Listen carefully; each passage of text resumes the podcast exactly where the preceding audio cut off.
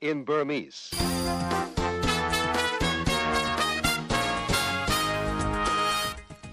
မင်္ဂလာမနက်ခင်းပါသောရရှင်များရှင်အမေရိကန်ပြည်ထောင်စုဝါရှင်တန် DC မြို့တော် VOA အမေရိကန်အတန်ရဲ့2021ခုနှစ်စက်တင်ဘာလ29ရက်နေ့တနင်္လာနေ့မနက်ခင်းစီစဉ်တွေကိုလှိုင်းဒိုမီတာ25 40 50တို့ကနေတိုက်ရိုက်ထုတ်လွှင့်နေပါပြီရှင်သောရ တော်ရရှင်များရှင်လန်းချက်မြေချပါစေရှင်ကျမတင်ကြီးထိုက်ပါဒီမနေ့ခင်းအစီအစဉ်တွေကိုတာဝန်ယူတင်ဆက်ပေးမှာဖြစ်ပါတယ်ရှင် မင်္ဂလာပါရှင်ကျမအခင်မျိုးသက်ပါဒီမနေ့ခင်းသတင်းတွေကိုကိုညာဝင်းအောင်နဲ့အတူပြောပြပေးမှာပါတနင်္ဂနွေနေ့ကျင်းပတဲ့ဂျာမနီရွေးကောက်ပွဲအတွက်မဲပေးပြီးစစ်တမ်းတွေမှာဝန်ကြီးချုပ်မာကယ်ရဲ့ CDU ပါတီနဲ့ Social Democrat တွေကြားမဲသိမ့်မကွာပဲဖြစ်နေပါတယ်။အောက်ကန်ကကာဘူးလေဆိပ်ကိုလေယာဉ်တွေအဝင်ထွက်လုပ်ကြဖို့တာလီဘန်တွေကပန်ကြားလိုက်ပါတယ်။တရုတ်ထုတ် Sinopharm ကိုဗစ်ကာကွယ်ဆေးမြန်မာနိုင်ငံကိုနောက်ထပ်၄တန်းရောက်လာပါပြီ။ဒီလိုထူးခြားတဲ့သတင်းလေးတွေကြားမှာပါမသိငိထိုင်။ကောင်းပါပြီရှင်။ ကုလသမဂ္ဂဆိုင်ရာ မြန်မာသံအမတ်ကြီး ဦးကျော်မိုးထွန်းက လာမယ့်2022ခုနှစ်အထိ ဆက်လက် တာဝန်ယူသွားဖို့ရှိတယ်လို့ VOA မြန်မာပိုင်းကို ပြောပါတယ်ရှင်။86ကြိမ်မြောက်ဟိုအထွေထွေညီလာခံဆိုတာ ကျွန်တော်တို့ဒီအခုအဲ2021စက်တင်ဘာ14ရက်ကနေ စလိုက်ပြီးရင်2020နှစ်စက်တင်ဘာ နောက်တစ်ကြိမ်မစခင် တရက်အထိပေါ့နော်ကြော်လို့ရပါအောင်ခင်ဗျ ဟုတ်ကဲ့ဟု တ်ကဲ့တမ်မတ်ကြီးဦးကျော်မိုးထွန်းပါရှင်မကြခင်မှာနားဆင်ချရပါမယ်ဒီနောက်မှာတော့ COVID-19 စစ်ဆေးဖို့ဘလောက်အရေးကြီးတယ်လဲဆိုတာကိုဆွေးနွေးထားတဲ့ဆွေးနွေးခန်းကမ္ဘာသတင်းတွေတဲကမြန်မာဆိုင်ရာသတင်းကောက်နှုတ်ချက်မြန်မာပြည်ကပေးစာနဲ့သတင်းတွေတဲကသုတအပတ်စဉ်ကဏ္ဍတွေကိုထုတ်လွှင့်ပေးမှာပါအခုရေဆုံးတော့ထိတ်တဲရောက်သတင်းတွေကိုဒေါခင်မျိုးသက်နဲ့ကိုညံဝင်းအောင်တို့ပြောပြပေးပါမယ်ရှင်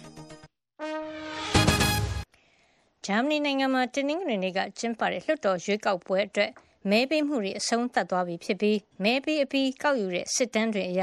ဝန်ကြီးချုပ်အန်ဂလာမာကယ်ရဲ့လက်ရရင်ခရီးယန်ဒီမိုကရက်တစ်ယူနီယံ CDU နဲ့လက်ဝဲရင် Social Democratic Party SD တို့ကြားမဲအရေအတွက်ကတိတ်မကွာပဲဖြစ်နေတာတွေ့ရပါတယ်။16နှစ်ကြာဂျာမနီနိုင်ငံရေးမှာဥဆောင်ခဲ့တဲ့ဝန်ကြီးချုပ်မာကယ်နှုတ်ထွက်ခဲ့တဲ့နောက်မှာဥရောပရဲ့စီးပွားရေးအတောင့်တင်းဆုံးဂျာမနီနိုင်ငံကိုဥဆောင်မဲ့သူ့နေရာအတွက် CDU ပါတီဝင်ပြည်내အုပ်ချုပ်ရေးမှူးအာမင်လာရှက်နဲ့ ဘဏ္ဍာရေးဝန်ကြီးလည်းဖြစ် ဒုတိယဝန်ကြီးချုပ်တာဝန်လည်းထမ်းဆောင်နေတဲ့ Social Democratic Party က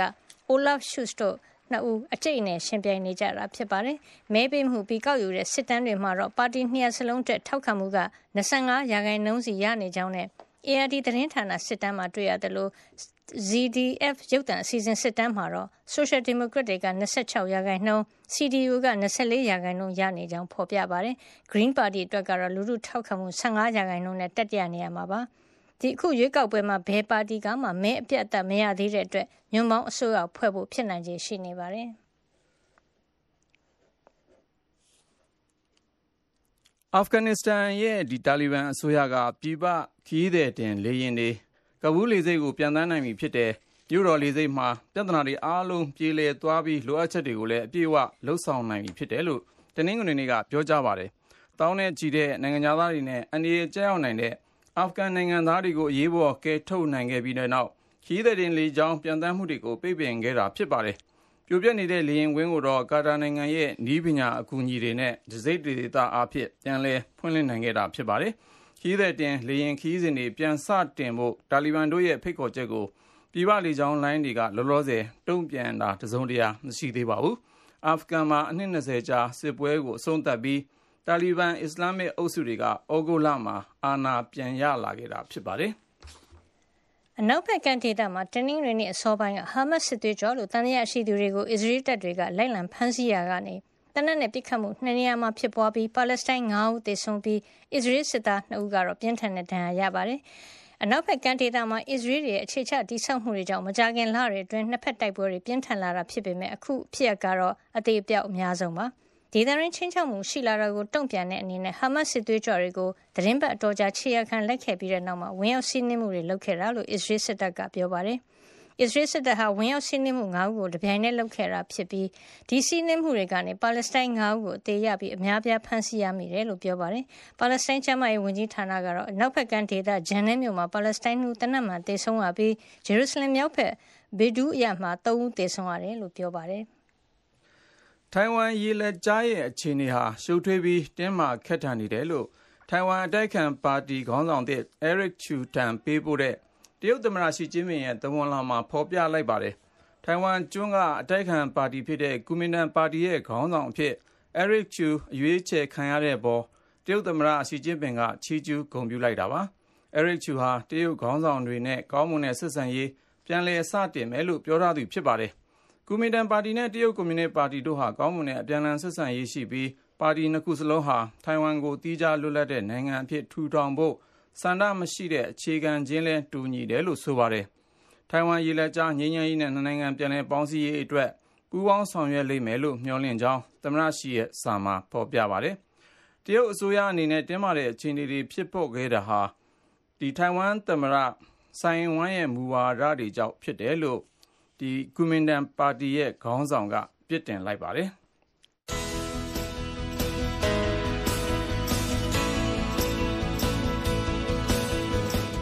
VOA American တန်မနက်ဖက်မြန်မာဘာသာအစီအစဉ်တွေကိုမနက်6နာရီကနေ9နာရီထိလိုင်းဒိုမီတာ24 kHz 1213ညလိုင်းဒိုမီတာ40 kHz 9413ညလိုင်းဒိုမီတာ51 kHz 9895နဲ့လိုင်းလမီတာ190 kHz 1505တို့ကနေထုတ်လွှင့်ပေးနေပါတယ်ရှင်။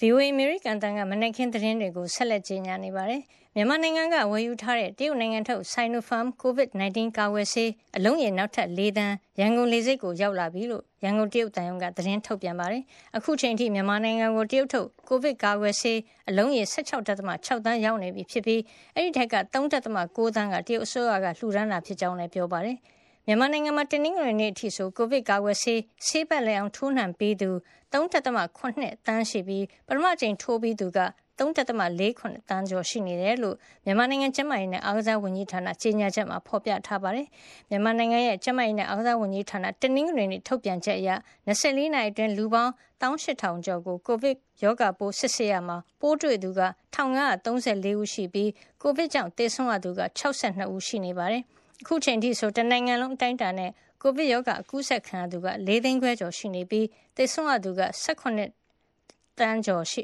18တောင်းကျော်တောင်း9000ကျော် ရှိနေပါတယ် မြန်မာနိုင်ငံတွင်ကိုဗစ်ရောဂါ ကူးစက်ပြန့်ပွားမှု အခြေအနေကြောင့် ကျောင်းတွေကို အောက်တိုဘာ24ရက်နေ့ထိ ဆက်တိုက် ပိတ်ထားမှာ ဖြစ်ပါတယ်စကိုင်းတိုင်းရင်းမပင်မြို့နယ်နဲ့မိုးရွာဒေသတဝိုက်မှာ စစ်ကောင်စီတပ်နဲ့ ဒေသခံ လက်နက်ကိုင် ပြည်သူတွေကြား ဒီရက်ပိုင်းတဲ့အပြန်အလှန် ပစ်ခတ်မှုတွေ ပြင်းထန်လာတာကြောင့် ကျေးရွာအတော်များများက ဒေသခံတွေ စစ်ဘေးတိမ်းရှောင်နေရတယ်လို့ ပြောပါတယ်။မုံရွာမြို့ ချင်းတွင်းမြစ်အနောက်ဘက်ကျန်း ဆူတောင်းဦးနယ်မြေမှာ တပ်ဆွဲထားတဲ့ စစ်ကောင်စီတပ်တွေနဲ့ ဒေသခံ PDF တပ်တွေကြား တနင်္ဂနွေနေ့က တိုက်ပွဲဖြစ်ပွားခဲ့တာပါ။စစ်ကောင်စီတပ်တွေရင်းမပင်ခရိုင် နဘူးတော်ရွာဘက်ကို လက်နက်ကြီး မော်တာတွေနဲ့ လှမ်းပစ်နေတယ်လို့ရင်းမပင်ဒေသခံတူကပြောပါတယ်။အကြမ်းဖက်စစ်ကောင်စီက မုံရွာဘက်ကနေပြီးတော့ ဘိန်းတောင်တရားပေါ့ဗျာအဲ့ရနေပြီးတော့ဟိုလှမ်းပြီးတော့လက်နက်ကြီးလက်နက်တွေပြည့်တယ်တကယ်ဆက်ကြည့်နေတယ်နောက်မော်တာကြီးတွေနဲ့လည်းပြည့်တယ်အခုလက်ရှိကျမတို့ပြုံးတယ်ပေါ့ဗျာရှူတောင်းနောက်ပဲဆိုတော့ကျွန်တော်တဆွဲထားတဲ့နေရာပေါ့အဘူးတော့ကြီးရွာရဲ့နောက်ပဲထမ်းဆင်မှန်းပါလေကုန်းလေးတစ်ခုရှိတယ်ဖျားကုန်းပေါ့အဲ့ဖျားကုန်းမှာလည်းကတုတ်ကင်းတွေတူးပြီးတော့ဒီကောင်တွေနေရာယူထားတယ်ရမပင်မြို့နယ်ပြောင်းပြရွာနဲ့မြို့ပေါ်ရွာကြားတက်လာတဲ့စစ်ကောင်စီရဲ့ရင်နှန်းကိုစနေနေ့ညနေပိုင်းမှာ ရမပင် PDF က မိုင်းဆွဲတိုက်ခိုက်ခဲ့ပြီးနောက် အခုလို တိုက်ခိုက်မှုတွေ ပိုပြင်းထန်လာရတာဖြစ်တယ်လို့ PDF ခေါင်းဆောင်တူကပြောပါတယ်။ဒီတိုက်ပွဲတွေကြောင့် အခုဆိုရင်ရမပင်မြို့နယ်တဲကကန်စုဗန်ပွေး ကွေ့ချောင်း နဘူးတော်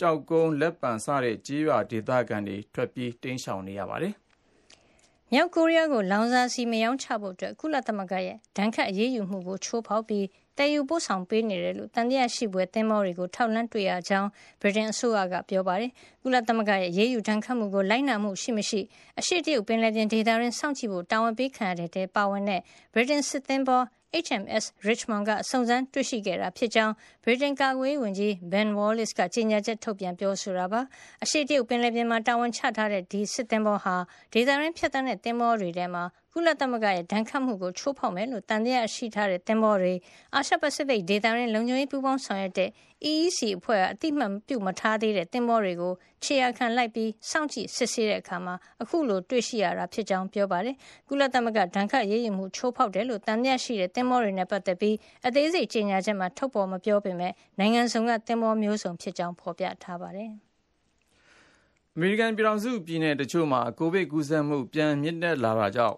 ဆေးရုံတွေမှာတာမန် ကျန်းမာရေး စောင့်ရှောက်မှု ပေးဖို့ကိုတောင် အတော်အခက်ကြုံနေရတယ်လို့ အမေရိကန် ထိပ်တန်း ကျန်းမာရေးအရာရှိကြီးတဦးက ပြောပါတယ်။ကျန်းမာရေးစောင့်ရှောက်မှုစနစ် အရန်ကို အကြက်တဲနဲ့ ရင်ဆိုင်နေရတယ်လို့ CBS ရုပ်သံနဲ့ အစီအစဉ်မှာ အမေရိကန် ကူးစက်ရောဂါ ထိန်းချုပ်ရေး CDC ရဲ့ ဒါရိုက်တာဒေါက်တာရိုချာဝယ်လန်စကီကပြောကြားသွားတာပါ။ဆေးရုံတွေမှာ လူနာကုတင် မလုံလောက်တော့ဘူးဆိုတာကို သူမက ပြောပါတယ်။ဒီလိုအခြေအနေမျိုးမှာ နှလုံးဖောက်ရောဂါ ဖြစ်လာတာမျိုး၊ကားတိုက်မှု ဖြစ်လာတာမျိုးနဲ့ ရောက်လာတဲ့ လူနာတွေအတွက် စိုးရိမ်စရာဖြစ်တယ်လို့ ဒေါက်တာဝယ်လန်စကီကပြောပါတယ်။ဆေးရုံကို ရောက်လာတဲ့ ကိုဗစ်လူနာတွေဟာ ကိုဗစ်ကာကွယ်ဆေး မထိုးရသူတွေက အများစု ဖြစ်ပါတယ်။အမေရိကန်နိုင်ငံမှာ ကိုဗစ်ကာကွယ်ဆေး ၁၈၃ သန်း ထိုးထားပြီး ဖြစ်ပါတယ်ခင်ဗျာ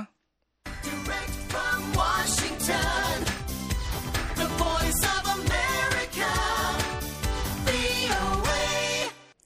ထိတ်တန့်ရောက် သတင်းတွေကို ဒေါက်ခင်မျိုးသက်နဲ့ ကိုညံဝင်းအောင်တို့ ပြောပြပေးခဲ့တာပါရှင်အခုတော့ ဆက်သွယ်မေးမြန်းခန်းနေနဲ့ သတင်းပတ်စင်ကဏ္ဍတွေကို တင်ပြပေးမှာ ဖြစ်ပါတယ်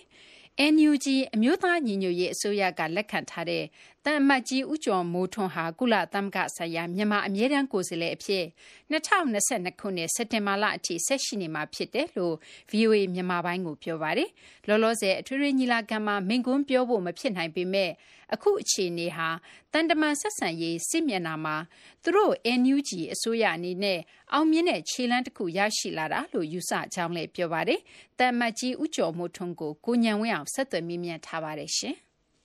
စက်တင်ဘာလ29တနင်္လာနေ့ကျရင် ဒီကုလသမဂ္ဂ အထွေထွေညီလာခံ ကျင်းပတဲ့အခါမှာတာမန်ကြီး ဦးကျော်မိုးထွန်းကမေကွန်းပြောကြဖို့ မရှိတော့ဘူးဆိုတာကို ကျွန်တော်သိရပါတယ်။အဲ့ဒီတော့ ဒီဥပမာ အမေရိကန် တရုတ် ရုရှား စတဲ့ နိုင်ငံကြီးတွေရဲ့အာတန်ရေးတမန်ရေးဂျားဝင်အပေးယူလို့ညှိနှိုင်းမှုတွေ ရှိခဲ့တာကြောင့်ဟိုဒီလိုကိစ္စရပ်တွေ ပေါ်လာတယ်လို့ နားလေပါတယ်။အဲ့တော့တာမန်ကြီး ဒီကိစ္စ သိသလောက် ရှင်းပြပေးပါခင်ဗျ။ ဟုတ်ဟုတ်ကဲ့ဟိုဟိုမင်္ဂလာပါကျေးဇူးအများကြီးတင်ပါတယ်လို့ပြောကြားလိုပါတယ်ခင်ဗျအဲခုနမိကုန်းနဲ့ပတ်သက်လို့ပေါ့နော်ကုလသမဂ္ဂအဖွဲ့နိုင်ငံဒီအနေနဲ့ပေါ့နော်ဒီ general debate မှာတော့အဓိကအဖြစ်နိုင်ငံအကြီးအကဲတွေအစိုးရအဖွဲ့အကြီးအကဲတွေအဲဒုဝန်ကြီးချုပ်တို့နိုင်ငံခြားရေးဝန်ကြီးတို့ဝန်ကြီးတွေနောက်ဆုံးဝန်ကြီးတွေမစစ်မတက်နိုင်ရင်တော့ဒီမှာရှိတဲ့အများအားကိုယ်စားလှယ် ဒီခေါင်းဆောင်ပြီးတော့တက်လေးတစ်ထရှိတယ်မိန်ကုန်းပြောလေးပြောထားရှိတာပေါ့နော်အဲဆိုတော့ဟိုကျွန်တော်တို့မြန်မာအာနိုင်ငံအနေနဲ့လည်းပေါ့နော်မိန်ကုန်းပြောဖို့ကိုကျွန်တော်တို့ inscribe လုပ်ခဲ့တယ်ပေါ့နော်အဲ့ဒါကတော့ပုံစံတွေကကျွန်တော်တို့လုပ်ခဲ့ပါတယ်ပေါ့နော်အဲတော့ဒီ foreign policy magazine မှာပြောခွင့်ပြောခွင့်ရတယ်မရဘူးကိစ္စဘယ်လိုပြောခွင့်မရဘူးဖြစ်သွားတယ်ဆိုတဲ့ကိစ္စရင်းနဲ့ပတ်သက်ပြီးတော့သူပြောထားတာရှိတယ် ဆိုတော့အဲ့ဒီမှာပါတဲ့အချက်လက်တွေကပေါ့နော်တော်တော်များများကျွန်တော်နားလည်တဲ့အချက်တွေနဲ့တူညီတယ်ဆိုတဲ့ဥစ္စာမျိုးကိုကျွန်တော်ဟိုဟိုတတိပြုမိပါတယ်တကယ်လဲကျွန်တော် confirm လုပ်ရင်လည်းတူညီပါတယ်ဒါကြောင့်မို့လို့ပေါ့နော်ဆိုတော့29ရက်နေ့မွန်လွဲပိုင်းမှာပြောဖို့ရထားတာပါတော့ကျွန်တော်မပြောပြတော့ပါဘူးခင်ဗျဟိုခုနကပြောတဲ့ဒီ foreign policy magazine မှာပါတဲ့ဒီနိုင်ငံကြီးတွေရဲ့ဟိုဂျာဝင်ညှိနှိုင်းမှုအခြေအနေပေါ့နော် ဘယ်နိုင်ငံနဲ့ ဘယ်နိုင်ငံကြားမှာဘလို့အပေးယူ ရှိခဲ့တယ်လဲဆိုတာတူတူလေး ပြောပြပေးလို့ရမှာဟုတ်ကဲ့ ကျေးဇူးပါတယ်ကျွန်တော်အနေနဲ့တော့ဗောနော် ဘယ်နိုင်ငံ ဘယ်နိုင်ငံလို့ပိုင်နှိမ့်တက်ပြီးတော့ ပြောဖို့တော့ ခက်ပါတယ်ခင်ဗျ ဒါကြောင့် ကျွန်တော်အနေနဲ့တော့ ဒီ foreign policy magazine မှာ ပါတဲ့ဥစ္စာလို့ပဲအဲကျွန်တော်အတန်း ပြောပြရစီဘာလို့လဲဆိုတော့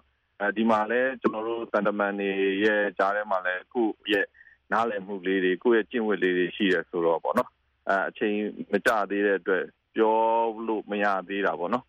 အဲဒီခုလိုမျိုးကျွန်တော်တို့ဒီ credential ကိစ္စဆိုရင်ပေါ့နော်အများအဖြစ်ဘယ်သူမှတော့မဲမခွဲကြင်ကြဘူးခင်ဗျအဖွဲ့ဝင်နိုင်ငံတွေအနေနဲ့လေဒါကြောင့်ဒီမဲမခွဲဘဲနဲ့အားလုံးသဘောတူနိုင်မယ်အားလုံးလက်ခံနိုင်မယ်အခြေတစ်ခုရဖို့အတွက်ကိုဟိုဝိုင်းဝန်းဆွေးနွေးကြားလေးကြားထားရှိပါတယ်ဆိုတော့အခုဒီကုလသမဂ္ဂညီလာခံမှာတနင်္လာနေ့တာမတ်ကြီး ဟိုစကားပြောခွင့်မမလုပ်တော့ဘူးဆိုတာကဒီတန်တမန်ရေးမျက်နှာစာမှာနောက်ဆုတ်သွားတဲ့သဘောလားအောင်မြင်မှုရဖို့ရှေ့ခြေတလန်းတိုးလာတဲ့သဘောလားခင်ဗျဟုတ်ဟုတ်ကဲ့ဟိုကျွန်တော်ကတော့ဒုတိယမှတ်ချက်အပိုင်းကိုတော့ပို့ပြီးတော့တော့ဟိုကျွန်တော်ဟို in line ဖြစ်ပါတယ်ခင်ဗျဘာလို့လဲဆိုတော့ကုလသမဂ္ဂအထွေထွေညီလာခံကဟိုဒီတစ်ပတ်ထဲလောက်တာမဟုတ်ပါဘူးခင်ဗျညီလာခံကတစ်နှစ်ပတ်လုံးလောက်တာပါအထူးသဖြင့်ပေါ့နော်ကျွန်တော်ဒီစက်တင်ဘာကနေဒီဇင်ဘာလကောင်က အဓိကကာလတစ်ခုဖြစ်တဲ့အတွက်ကြောင့်အဲ့ဒီကာလထဲမှာဆိုရင်ကျွန်တော်တို့မျက်နှာစုံညီအစည်းအဝေးတွေအများကြီးရှိတယ်ဒါကြောင့်မလို့ပေါ့နော်ဒီတစ်ပတ်မှာမပြောရင်လည်းဒီလိုမျိုးဟိုကာလတွေမှာပြောဆိုသွားမယ့်အနေအထားမျိုးပြောခွင့်ရတဲ့အနေအထားမျိုးရှိခြင်းအပြင်ပေါ့နော်ကျွန်တော်တို့ရဲ့ပြည်သူအတန်းအဲပြည်သူတွေရဲ့ဆန္ဒကိုလာမဲ့လာမဲ့ရက်တတပတ်တွေမှာဒီမျက်နှာစာအနေအတဆင့်နိုင်ငံတကာအတိုင်းဝိုင်းကိုပြောကြားပေးနိုင်မဲ့ဥစ္စာဖြစ်တဲ့အတွက်ကြောင့်တော့ အဲကျွန်တော်တို့မြန်မာနိုင်ငံအတွက်မြန်မာပြည်သူတွေအတွက်ကောင်းတဲ့အကျိုးတစ်ခုရှိတယ်လို့တော့ကျွန်တော်သုံးသပ်ပါတယ်ခင်ဗျတမ်မကြီးကိုဟလာဒီကုလသမဂ္ဂနဲ့ပတ်သက်ပြီးတော့ကိုယ်စားလှယ်အဖြစ်နောက်ထပ်သက်တမ်းတစ်နှစ်အဲထပ်တိုးခွင့်ရသွားပြီဆိုတော့ရေးနေတာရှိတယ်အဲ့ဒီဟာကဘလို့ပါလဲအဲကျွန်တော်တို့အခု credential committee ကမတွေ့သေးဘူးပေါ့နော်အဲ credential မတွေ့သေးတဲ့ကာလမှာ ဒီ86ချိန်မြောက်အဲဒီအထွေထွေညီလာခံမှာလဲပေါ့နော်ဒီ continuity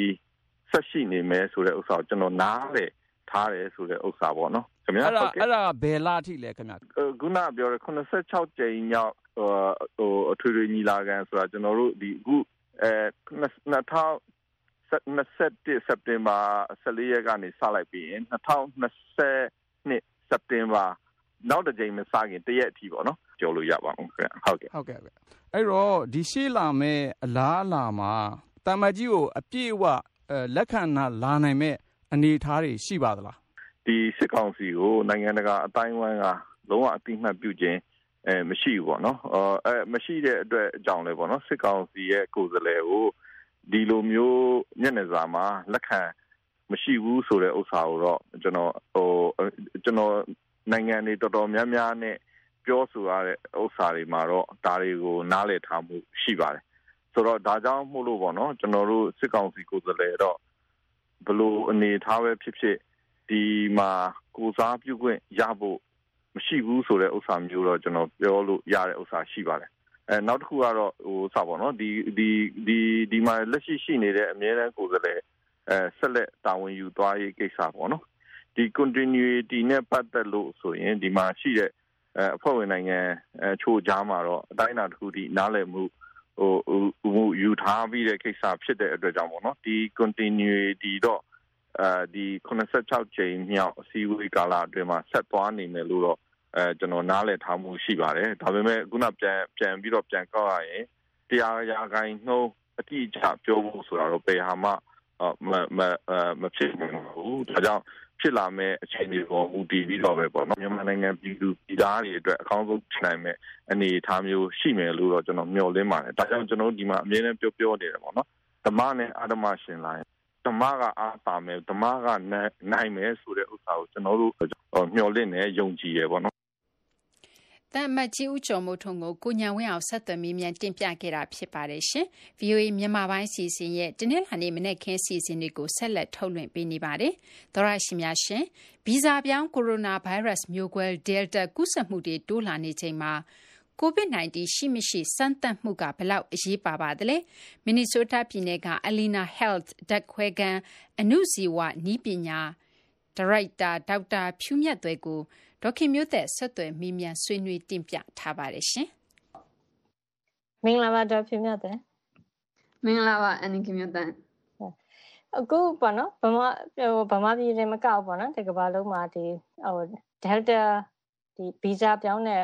ဟို coronavirus ပိုးမျိုးသစ်တွေကပြန့်နေပါတယ်ဒီလိုအချိန်မျိုးမှာပေါ့နော်ဟိုဒီ covid ပိုးမရှိရှိမရှိစမ်းသပ်တဲ့ testing ပေါ့နော် ဘာဘလောက်အရေးပါလဲအဲ့ဒါနည်းနည်းအစအရင်ဆုံးပြောပြပေးပါ testing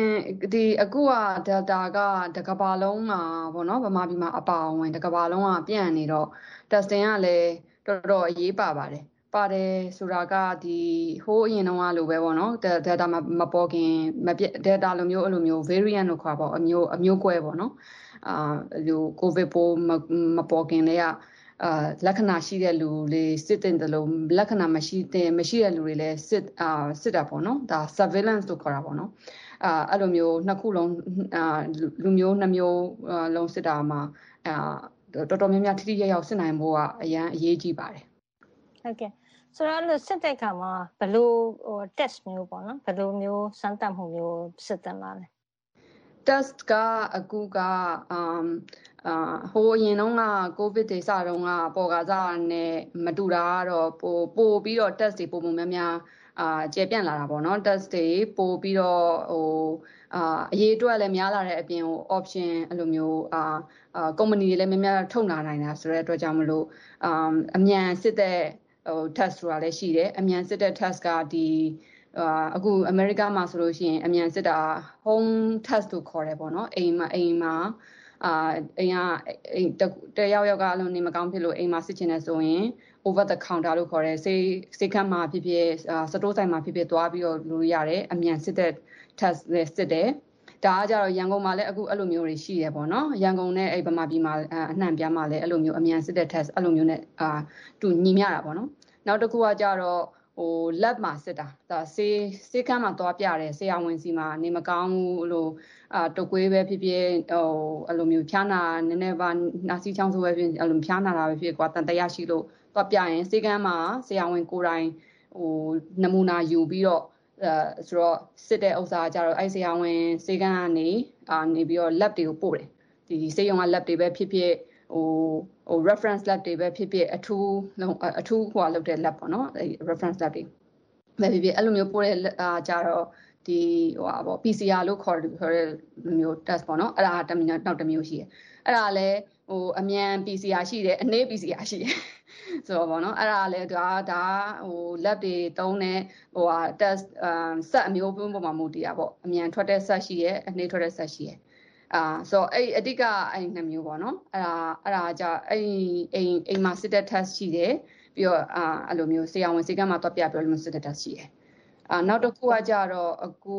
အာအိမ်မှာစစ်တဲ့ test တွေကဟိုများသောအားဖြင့်ကဟိုဟိုဟာပေါ့ recommendation လို့ခေါ်တာပေါ့နော်ဒီဟိုညွှန်ကြားချက်ကလုံးအားကြတော့လုံးဝလက္ခဏာရှိတဲ့လူမှာစစ်တင်စစ်စစ်ဖို့တင်ပါတယ်ဘာလို့လဲဆိုတော့လက္ခဏာရှိမှပဲဟို virus ပိုးကကိုကများအာကိုပေါ်မှာအများကြီးရှိနေတယ်ကိုထဲမှာအများကြီးရှိနေအဲ့ဒါကိုဒီ home test လို့ခေါ်တဲ့ဒီအမြန်စစ်တဲ့အိမ်မှာစစ်တာပဲဖြစ်ဖြစ်အဲ့ အာအဲ့အမြန်စစ်တဲ့ test ကနေပြီးတော့အမ်အမ်သူကပို့ပြီးတော့ဟို sensitivity ဆိုတာပို့ပြီးတော့ဟိုဟာထိရောက်ချက်ကောင်းတာပေါ့နော်အဲ့အကယ်၍ home test အဲ့လိုမျိုးအမြန်စစ်တဲ့ test ကိုယ့်အကူစစ်လို့ negative ဖြစ်တယ်ဟိုဟာဆိုလို့ရှိရင်များသောအားဖြင့်ကဆရာဝန်စီမှာစေကမှာတွားပြပြီးတော့အဲ့လိုမျိုးစောစောက PCR လို့ဖြစ်ဆိုတဲ့ test နဲ့ပြန်ပြီးတော့ဟိုအာ confirm လုပ်တာပိုကောင်းတာပေါ့နော် အာအဲ့ဒါမှဟိုဟာပိုးရှိလားမရှိလားဆိုတာကိုဟိုဟာဟိုပို့ပြီးတော့ဟိုထောက်ခံရလို့ရတာပေါ့နော်ဆိုတော့အဲ့လိုမျိုးအာ test တွေခွဲထားပါတယ်ဟုတ်ကဲ့ဆိုတော့မြန်မာပြည်မှာဒီလိုမျိုးကိုယ့်ဘာသာကိုစစ်တဲ့ဥစ္စာပေါ့နော်ဒီ test kit လေးတွေဒါတွေနဲ့ဟိုတုံးဟိုဟိုဟာအခုလည်းတုံးနေကြပါတယ်တုံးနေမှာဘယ်ဥစ္စာကနည်းနည်းပေါ့နော်ဟိုစိတ်ချရလဲဟိုဘယ်လိုမျိုး test kit မျိုးကစိတ်ချရလို့ဟိုဒီအမေရိကဟိုစံချိန်နဲ့ပေါ့နော်ဒီလိုသတ်မှတ်ကြပါတယ် အဲ့ဒါကတော့အာဟိုအာဘယ်ဥစ္စာက test kit ကစိတ်ချလဲဆိုတော့တည်တည်ချာချာတော့အာအာပြောလို့မရဘူးပေါ့နော်သူတို့စစ်အဲထုတ်တဲ့ company တွေကလည်းအခုနောက်ပိုင်းကလည်းအများအမျိုးမျိုးပေါ်လာတယ်ပေါ့ဆိုတော့နော်အာအဓိကကအာသူတို့ဟိုဗမာပြည်မှာလည်း test kit တွေကအများသောအားဖြင့်ကဟိုအိန္ဒိယကထုတ်တာရယ်ချိုင်းနာကထုတ်တာရယ်အဲ့လိုမျိုးတွေရှိကြတယ်ပေါ့နော်အဓိကအမ်အေး ထုတ်တာဟိုအဲ့လိုအဲ့လိုညွှန်ကြားချက်လေးပါတယ်ပေါ့နော်ဆိုတာထဲမှာဒီ test kit ထဲမှာအဲ့ထုတ်တာရဲ့ဘယ်ဘယ်အဲ့ကျမရေးဌာနကဟိုအာထောက်ခံချက်ပေးထားတယ်အဲ့လိုမျိုးအာအမှတ်သားလေးတွေကိုကြည့်ကြည့်လို့ရှိရင်တော့ဟိုအများဆုံးအပြည့်တော့ WHO ပေါ့နော်ဟိုကမ္ဘာကျမရေးအဖွဲ့အစည်းကအများသောအပြည့်အာထောက်ခံတာများတယ်ဒါပေမဲ့အဲ့လိုမျိုးအဲ China နဲ့ဟိုတရုတ်နဲ့ဟိုကနေအိန္ဒိယထုတ်တဲ့ဥစ္စာအဲ့လိုမျိုးအာ ဟိုထောက်ခံတာရှိမရှိတော့မပြောတတ်ဘူးပေါ့နော်ဒီမှာဆိုလဲလိုပဲပဲအမေရိကမှာလည်းအများကြီးပဲကုမ္ပဏီတွေအများကြီးပေါ်လာပါတယ်ပေါ်လာဆိုဒီအမြန်တက်အမြန်ဆုပ်တဲ့ဥစ္စာကလည်းကုမ္ပဏီတွေအများကြီးပေါ်လာဆိုတော့သူကဟိုတစ်ခုနဲ့တစ်ခုအာအာကြိုက်တယ်လို့မျိုးအဲ့လိုမျိုးတုံးကြတာပေါ့နော်ဒီအာအာပို့ပြီးတော့အဆင်ပြေတာကြတော့ test kit ကဟိုအိမ်မှာလဲစစ်တာဆိုတော့ ဟိုနှာခေါင်းပတ်ဝန်းကျင်ကိုပဲဟိုအာအတွင်းပိုင်းနည်းနည်းပေါ့နော်အကောင်းနှာခေါင်းပတ်ဝန်းကျင်ကိုပဲနမူနာလွယ်လွယ်ကူကူယူနိုင်တဲ့အဲ့လိုမျိုးကတော့ပို့ပြီးတော့အဆင်ပြေတာပေါ့ဒါဆိုရင်ကိုကိုကိုတိုင်းအာအာလဲနမူနာယူတဲ့အတွက်ကြောင့်မလို့လေဆိုတော့ဟိုအရင်တော့ဆိုလို့ရှိရင်ဟိုဟိုအတွင်းပိုင်းထီကိုအာစနမူနာယူရတယ်လေဆိုတော့အဲ့လိုမျိုးဆိုယူရတယ်ဆိုလို့ရှိရင်အဲ့လိုမျိုး test kit ဆိုလို့ရှိရင်တော့ဒီကိုကိုတိုင်းအိမ်မှာ test လုပ်တာဆိုရင်တော့ခက်မယ်ပေါ့နော် ဒါပေမဲ့ထိထိရောက်ရောက်ကလည်းအဲ့လိုမျိုးဟိုအတွင်းပိုင်းကိုရတဲ့ဥစ္စာကတော့ပို့ပြီးတော့ထိရောက်တယ်အဲ့ဒါကဆေးဆရာဝန်ဆေးကနေမှယူရတော့ပိုကောင်းတာပေါ့နော်ဟုတ်ကဲ့ဆိုတော့ဒီအခုဆိုလို့ရှိရင်မြန်မာနိုင်ငံမှာလည်းကာကွယ်ဆေးတွေထိုးပေးနေပြီပေါ့နော်ဒီကာကွယ်ဆေးထိုးပြီးတာလူပေါ့နော်ဒါဒါနောက်မထိုးရသေးတဲ့လူပေါ့နော်ဆိုတော့ဒီဒီဒီ test လုပ်တဲ့ဥစ္စာကာဝယ်ဆေးထိုးပြီးသားလူတွေက test ကိုဘယ်ချိန်မျိုးမှာ ဟိုလုပ်တဲ့လဲဒါမှမဟုတ် test မလုပ်ဘဲနဲ့ဟိုနေတဲ့လားဟိုထားထားလို့ရသလားအဲ့ဒါလေးနည်းနည်းရှင်းပြပေးပါဒီကာဝယ်ဆေးနဲ့ test လုပ်တာနဲ့ပတ်သက်ပြီးတော့ဟုတ်ကဲ့အမ်အခုကကာကွယ်ဆေးတွေကလည်းကြကြပြန်ပြန်ထိုးနေကြပြီဆိုတော့ဗောနော်နော်နှစ်ခုရှိရဗောစစ်မယ်ဆိုလို့ရှိရင်ကာကွယ်ဆေးထိုးပြီးတော့ အာဟိုနေနေကောင်းတဲ့ပုံမှန်ဘာမှမဖြစ်ဘူးကြက်ကြက်မှမှာပဲဆိုလို့ရှိရင်စစ်နိုင်တဲ့အဲ့ကာဝယ်ဆွေးထိုးထားပြီးတဲ့လူကစစ်နိုင်တာကဘာလဲဆိုတော့ကာကိုခံအားအာဒီကာဝယ်ဆေးကနေပြီးတော့ကိုခံအား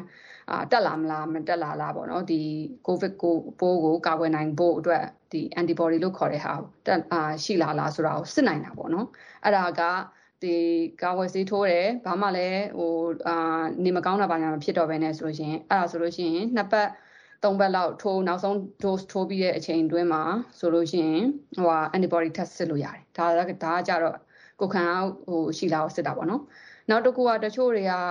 အာတချို့ကာကွယ်ဆေးထိုးထားတဲ့အာလူလူမျိုးတွေကကြတော့ဟိုတုံးနဲ့တူကလည်းမတူဘူးပေါ့နော်ကိုခံအားမကောင်းလို့ကာကွယ်ဆေးကြောင့်မလို့ဖျားသွားတာလည်းရှိနိုင်တယ်ပေါ့နော်အဲ့လိုမျိုးကြလို့ရှိရင်တော့အာစောစောကပြောသလိုဟိုအာ antigen အမြန် antigen test ပဲဖြစ်ဖြစ်ဟိုအာ PCR test ပဲဖြစ်ဖြစ်အဲ့လိုမျိုးသွားစစ်လို့လည်းရပါတယ်နောက်တစ်ခုကသူတို့ကိုယ်တိုင်လည်းအဲ antibody စောစောကပြောရဲကိုခံရှိမရှိဥစ္စာကိုလည်းစစ်လို့ရပါတယ်ဒါပေမဲ့ အဲ့လိုကာကွယ်ဆေးထိုးပြီးတော့အာဘယ်အချိန်မှာပဲဖြစ်ဖြစ်ထိုးပြီးပြီးချင်းပဲဖြစ်ဖြစ်အမ်နောက်တော်တော်လေးကြာမှတချို့တွေလည်းပြန်ပြီးတော့နေမကောင်းဖြစ်ကြတယ်အဲဆိုရှင်ကိုဗစ်ရှိမရှိကိုစစ်တာလဲအဲ့လိုမျိုးလဲစစ်လို့ရပါတယ်အဲ့လိုအချိန်မျိုးမှာဒီ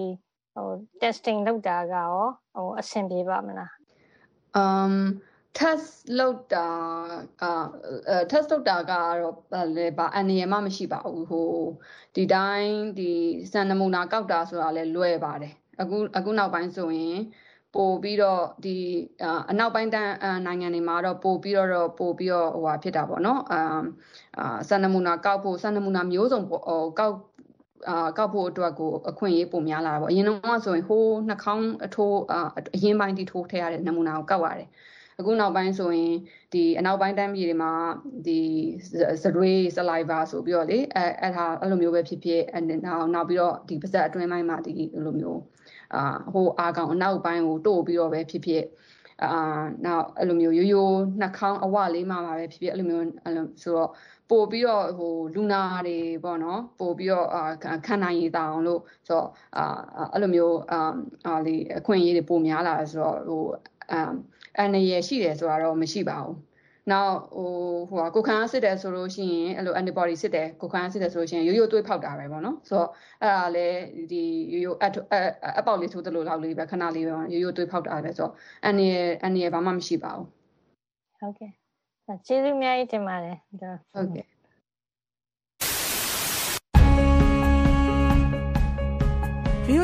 VOA American တန်ရဲ့ရုပ်သံထုတ်လွှင့်မှုတွေကိုနေ့စဉ်24နာရီပတ်လုံးဖမ်းယူကြည့်ရှုနိုင်ပါပြီ။လူတို့မိတ်ဆွေရုပ်သံလိုင်းကနေနေ့စဉ်24နာရီရုပ်မြင်သံကြားထုတ်လွှင့်မှုအဖြစ် VOA American တန်နဲ့ RFA လွတ်လပ်တဲ့အာရှအသံမြန်မာဘာသာအစီအစဉ်တွေကို American ပြည်အောင်စု Washington မြို့တော်ကနေအချိန်ပြည့်ထုတ်လွှင့်တင်ဆက်ပေးနေတာပါ။မြန်မာနိုင်ငံရဲ့နောက်ဆုံးရသတင်းတွေအပြင်အာရှဒေသနဲ့ကမ္ဘာတစ်လွှားကအချိန်နဲ့မျှဖြစ်ထွန်းမှုသတင်းမှန်တွေ အပတ်စဉ်ကဏ္ဍတွေနဲ့နိုင်ငံရေးစကားဝိုင်းအစီအစဉ်တွေးဆုံမေးမြန်းခန်းတို့ကိုကြည့်ရှုကြရပါပါ။လူရုမိတ်ဆွေရုပ်တံလိုင်းကိုဖမ်းယူကြည့်ရှုခြင်းနဲ့ဆိုရင် UDEL Chat 70B Asia Bin ဂျိုတို့ Channel 101ဒါမှမဟုတ် Timecom 6ဂျိုတို့ Channel 123တို့ကနေဖမ်းယူကြည့်ရှုနိုင်ပါတယ်။ဂျိုတို့ဖမ်းယူမှုအသေးစိတ်အချက်လက်ကို VOA မြန်မာပိုင်း Internet စာမျက်နှာနဲ့ VOA မြန်မာ Facebook စာမျက်နှာတို့မှာဖော်ပြထားပါတယ်ရှင်။ မြန်မာနိုင်ငံကပြည်သက်တွေစီသတင်းမှန်တွေပို့ပေးနိုင်မှုလူရုမိတ်ဆွေအရောက်လာခဲ့ပါပြီနော်။မင်္ဂလာမနက်ခင်းပါသောရရှင်များရှင် VOA American အတန်ရဲ့2021ခုနှစ်စက်တင်ဘာလ29ရက်တနင်္လာနေ့မနက်ခင်းစီစဉ်တွေကိုလှိုင်းဒိုမီတာ25 kHz 1213ည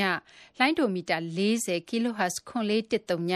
လှိုင်းဒိုမီတာ51 kHz 9805တို့ကနေဆက်လက်ထုတ်လွှင့်ပေးနေပါတယ်။အခုဒုတိယပိုင်းမှာတော့မြန်မာပြည်ကပေးစာနဲ့သတင်းတွေတဲ့ကသုတပတ်စဉ်ကဏ္ဍတွေကိုထုတ်လွှင့်ပေးဖို့ရှိပါတယ်။ဒါဒီမတိုင်ငယ်အခုရင်ဆုံးတော့ကမ္ဘာသတင်းတွေတဲကမြန်မာဆိုင်ရာသတင်းတွေကိုကောက်နှုတ်စူးစီးတင်ပြပေးပါမယ်။မတ်အင်ဂျင်နိုင်စူးစီးတင်ပြထားပါတယ်ရှင်။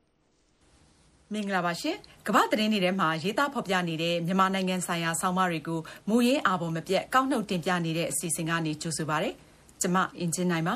မြန်မာစစ်ကောင်စီဟာသူတို့ဖမ်းဆီးလို့မမိသေးသူတွေရဲ့သားသမီးတွေကိုပြန်ပေးဆွဲနေကြောင်းကုလသမဂ္ဂဆိုင်ရာကျွမ်းကျင်သူကပြောကြားလိုက်ခြင်းဆိုတဲ့ခေါင်းစဉ်နဲ့ The Guardian သတင်းစာမှာ Rebecca Radcliffe ရေးသားထားတဲ့ဆောင်းပါးကို အရင်ဆုံးတင်ပြမှာပါ။စစ်ကောင်စီဟာသူတို့လိုက်လံရှာဖွေဖမ်းဆီးနေသူတွေရဲ့ကလေးတွေဆွေမျိုးတွေကိုစနစ်တကျပြန်ပေးဆွဲနေကြောင်းမြန်မာနိုင်ငံဆိုင်ရာကုလသမဂ္ဂလူ့အခွင့်အရေးအထူးကိုယ်စားလှယ်ကပြောကြားခဲ့ပါတယ်။ကုလသမဂ္ဂလူ့အခွင့်အရေးကောင်စီမှာဗုဒ္ဓဖူးနေ့က Tom Andrews ကနေဗီဒီယိုကွန်ဖရင့်နဲ့အစီရင်ခံတင်ပြရာမှာ တိုင်းပြည်ရဲ့ အခြေအနေတွေဟာ ဆိုးရွားနေပြီး မြန်မာနိုင်ငံမှာ ဖြစ်ပျက်နေတာတွေကို ရပ်တန့်ဖို့ နိုင်ငံတကာအတိုင်းဝိုင်းရဲ့ လက်ရှိ ကြိုးပမ်းမှုတွေဟာ အလုံးမဖြစ်တော့ကြောင်း သတိပေးပြောဆိုခဲ့ပါတယ်။ Tom Andrews ရဲ့ မြန်မာနိုင်ငံဆိုင်ရာ အစီရင်ခံစာ တင်ပြပြီး နောက်တစ်နေ့ ကြာသပတေးနေ့မှာ ထုတ်ပြန်တဲ့ ကုလသမဂ္ဂ လူ့ခွင့်ရေး ကော်မရှင်နာမင်းကြီးယုံကကြေညာချက်မှာ လူခွင့်ရေးဆိုင်ရာကတ်ဆိုးကြီးအဖြစ် သတိပေးထားပြီး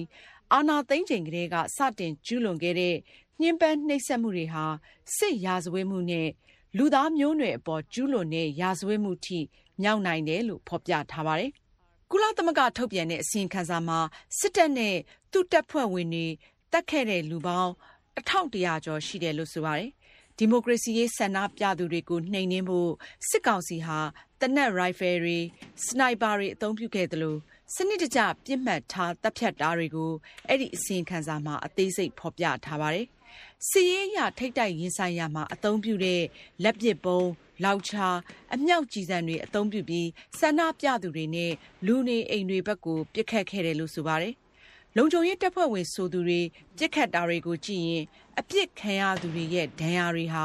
ဥကောင်းနဲ့တင်ပါမှဖြစ်နေတာကို မကြာခဏတွေ့ရပြီးဒါဟာလူတွေကိုအပြင်းထန်ဆုံး ထိခိုက်ဒဏ်ရာရစေဖို့ ရည်ရွယ်ပြစ်ခတ်တာဖြစ်တယ်လို့လည်း အဲ့ဒီအစီရင်ခံစာမှာ ဖော်ပြထားပါတယ်။ Tom Andrews ရဲ့ အစီရင်ခံစာအရ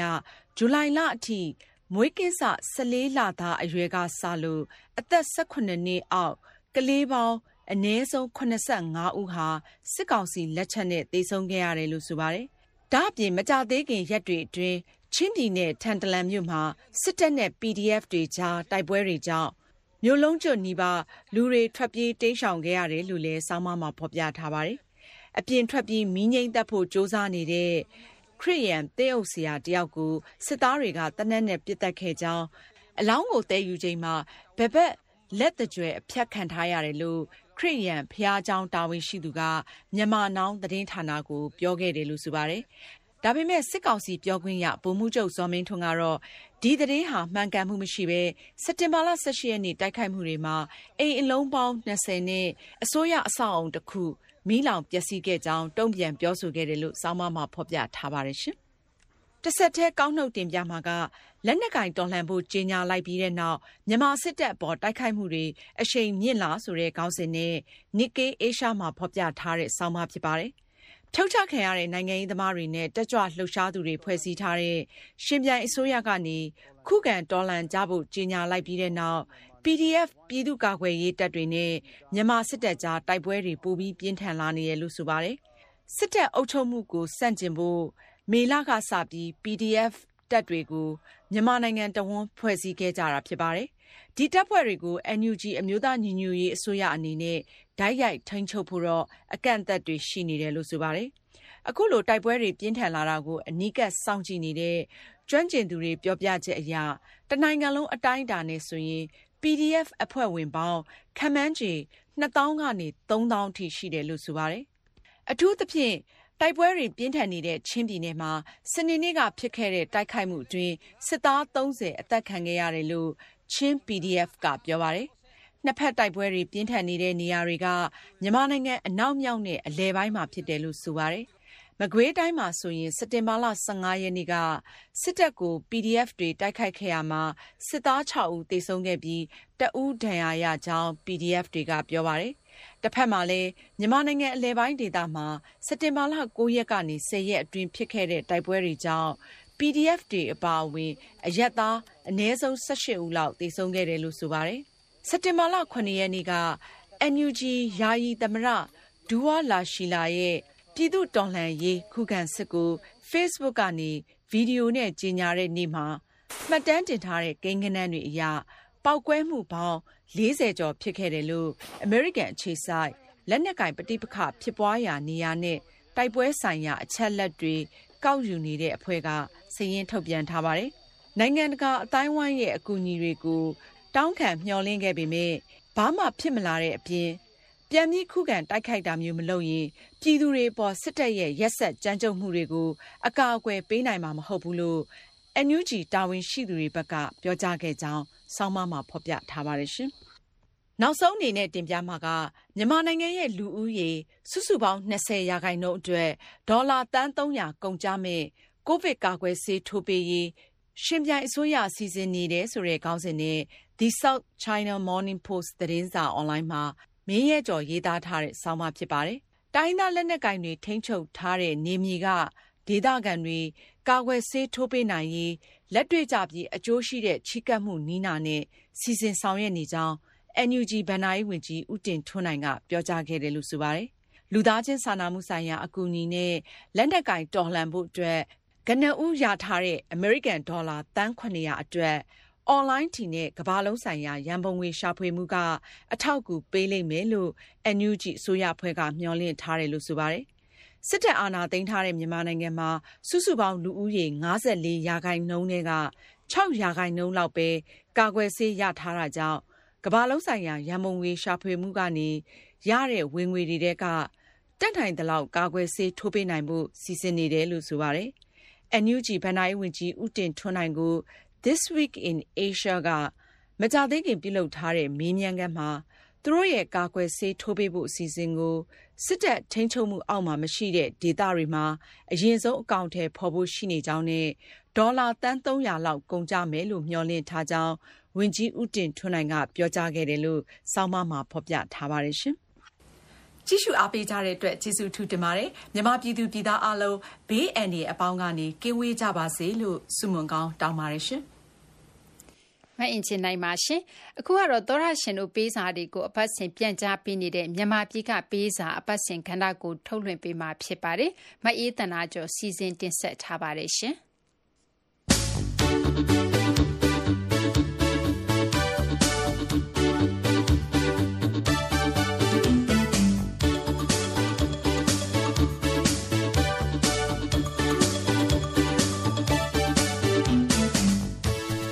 ဘေးရန်ရဲ့ကင်းရှင်းပြီးတော့မင်္ဂလာပေါင်းနဲ့ပြည့်စုံတဲ့နေ့ဖြစ်ပါစီသောရရှိများရှင်။ VOA ကိုရေးလာတဲ့သောရရှင်တွေရဲ့ပေးစာတွေအီးမေးလ်တွေပြီးတော့ VOA မြန်မာပိုင်း Facebook စာမျက်နှာပေါ်မှာလာပြီးတော့ရေးကြတဲ့သောရရှင်တွေရဲ့မှတ်ချက်တွေနဲ့ Messenger ကစာတွေကိုတော့မြန်မာပြည်ကပေးစာများအစီအစဉ်ကနေပြန်ကြားပေးပါရမယ်ရှင်။နောက်ပိုင်းမှာတော့ VOA တေးချစ်သောရရှင်တွေကိုမြစ်တာတေးလက်ဆောင်မြန်မာသချင်းလေးတစ်ပုဒ်နဲ့ဖြောပြပေးဦးမှာဖြစ်ပါတယ်။အခုပထမအဦးဆုံး VOA ကိုကြပြလေးတစ်ပုဒ်ရေးပို့လာတဲ့သောရရှင်ရဲ့စာကိုဝေမျှပေးချင်ပါတယ်။ မြန်မာနိုင်ငံမှာအခုလိုမျိုးစစ်ဘေးနိုင်ငံရေးအကြက်တဲကြုံတွေ့နေရချိန်မှာထွက်ပြေးနေရတဲ့သူတွေဖို့ရေဒီယိုဟာတခုတည်းသောမိတ်ဆွေပါလို့ရေးလာတဲ့သောရရှင်တယောက်ကကချင်ပြည်နယ်ကအစာရေးလာတာဖြစ်ပါတယ်။သူကရေဒီယိုဆိုပြီးတော့ကြပြလေးတစ်ပုဒ်ရေးပို့လာတာပါအခုလိုကာလမှာ VOA ကတော့တကယ့်ကိုကျေးဇူးရှင်ပါပဲတောတောင်တွေထဲမှာထွက်ပြေးတင်းရှောင်နေရတဲ့သူတွေဖို့ရေဒီယိုဟာမိတ်ဆွေပါပဲအဲ့ဒီထဲမှာ VOA လည်းပါပါတယ်အင်တာနက်ရပြီဆိုပေမဲ့လည်း data တွေ အရင်လို ဈေးမချိုတော့တာကြောင့် ဝင်ငွေမရှိတဲ့ ကျွန်တော်တို့ဖို့ လိုင်းပေါ်မှာ ရုပ်သံနဲ့တကွ ကြည့်ခြင်းပေမဲ့လည်း ရေဒီယိုလေးနဲ့သာ သတင်းတွေကို နားဆင်ပြစ်ပါတယ်ငငယ်ကလေတော့ထဲမှာ အဖိုးဖွားတွေနဲ့အတူ နားထောင်ခဲ့ရတဲ့ VOA ဟာ အခုချိန်မှလည်း တဖန် အားထားနေရပြန်ပါပြီ ကျွန်တော်ကတော့မရင်ချင်းနိုင်ရဲ့ နိုင်ငံတကာ သတင်းမီဒီယာကောက်နှုတ်ချက် အစီအစဉ်တွေကို အတော်သဘောကျနေပါတယ်မချေးမုံတွေကတော့ အင်္ဂလိပ်စာလေ့လာရင်တွေ့ဖြစ်ပါတယ် အပြာလေးတစ်ပုတ်လည်း ပေးပို့ချင်ပါတယ် လေကွင်းတဲက တဲတစ်လုံးမှာ မာယာအငွေ့လေး နည်းနည်းချမ်းတောတောင်တွေကြားမှာ အာနာဆက်လဲနည်းနည်းထမ်းရေဒီယိုဟာ အာနာကို ရှောင်ရှားဖို့ မာယာကို တစ်ဖက်လက်နဲ့ သုံးနေပြီးနှစ်ပြုတ်တစ်ခွက်ရဲ့အာဟာရမှာချင်းတွေဟာ မိုက်ရိုင်းလွန်နေပြီး ရဲတံတွေကိုကြဲကြဲသွားစေသည် မာယာရှင်များ သနာမိလေမလား လူရုမိတ်ဆွေ VOA ရွှေနှန်းချက်မြေပါကြီးတဲ့ ကချင်ပြည်နယ်က သောရရှင် ကိုစောမိုးအောင် ရေးလာတာပါ လူရုမိတ်ဆွေပြည်သက်တွေအားလုံးဒုက္ခဆင်းရဲတွင်ကအမြန်ဆုံးလွတ်ကင်းနိုင်ပါစေလို့ပြန်ပြီးတော့ဆုတောင်းပေးကြပါတယ်ရှင် VOA ကထုတ်လွှင့်ပေးတဲ့အစီအစဉ်တွေနဲ့ပတ်သက်ပြီးတော့ရေးလာကြအကြံပြုလာကြတဲ့သောရရှင်တွေရဲ့စာတွေကိုလည်းဖော်ပြပေးကြပါတယ်။အောင်မိုးဆွေဆိုတဲ့သောရရှင်ကသတင်းတိုက်ရိုက်ကြီးညာနေတာကိုရုပ်တံကြည့်ခြင်းလို့ဘယ်လိုရှာရမလဲတဲ့။ဟုတ်ကဲ့ပါကိုအောင်မိုးဆွေပြောတာမှန်ပါတယ်နော်။ကျမတို့အခုဆိုရင်ဒီရုပ်တံထုတ်လွှင့်မှုအစီအစဉ်တွေပြင်ကျမတို့ရဲ့ရေဒီယိုထုတ်လွှင့်မှုတွေကိုဒီရုပ်မြင်သံကြားနဲ့ပါကြည့်လို့ရအောင်လို့တိုက်ရိုက်ဟိုရေဒီယိုထုတ်လွှင့်ပုံ